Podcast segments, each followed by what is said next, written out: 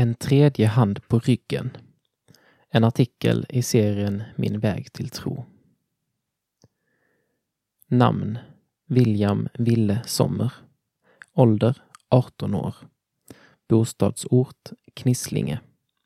Sysselsättning Gymnasieelev.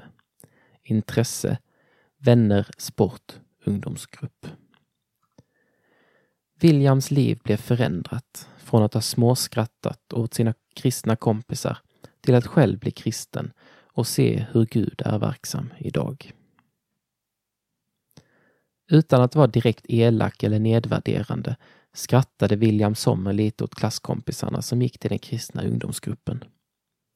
Själv var han uppvuxen med en vanlig Svenssons syn på kristendomen, vilket innebar att han var ointresserad av den och tyckte att man inte skulle tänka för mycket på sånt. En bild från Gud.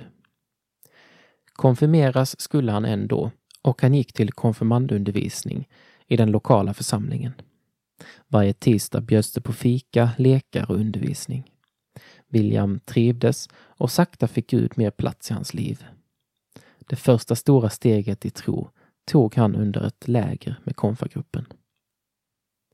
När jag under en längre tid fick bekanta mig med den kristna tron började det sätta sig i mig.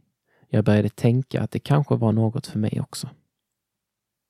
Under en av aftonbönerna på det sista konfalägret fick William förbön av prästen. Prästen såg då en bild framför sig som en hälsning från Gud till William. Vems hand?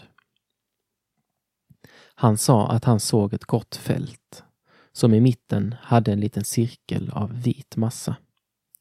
Massan spred sig inifrån och utåt. Prästen trodde att den vita massan var en bild för hur Jesus var på väg in i Williams liv och tog över mer och mer av det som tidigare varit grått. Senare under kvällen fick han ta emot förbön en gång till, denna gången av två kompisar. De la händerna på hans axlar och började be. Och under bönen lades en tredje hand mitt på hans rygg. Jag kände att det var gött att någon var frimodig och var med och bad. Men när jag sedan försökte få reda på vem det var som hade varit med och bett så var det ingen av mina kompisar eller ledare. Då förstod jag. Den vita massan hade spritt sig ut över hela det gråa fältet. Tron sprider sig. Williams starka vittnesbörd och tydliga upplevelse av Guds närhet och handlande idag har fått honom att leva annorlunda. Han har fått annorlunda värderingar efter att ha lärt känna Gud på riktigt och skäms inte för sin tro. Jag ser det bara som en chans att få berätta om min tro varje gång någon frågar om den. Jag skäms inte. Det tycker jag inte att någon borde göra. Om alla har likadana bilar, dåliga bilar, men du har en bra bil, så borde du inte gömma den. Visa den och dela med dig av glädjen.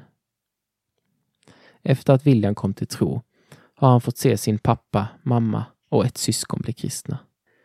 Detta har gjort att fler människor kring familjen har fått höra talas om Jesus. För William och hans familj är det ingen tvekan om att Gud är verksam än idag.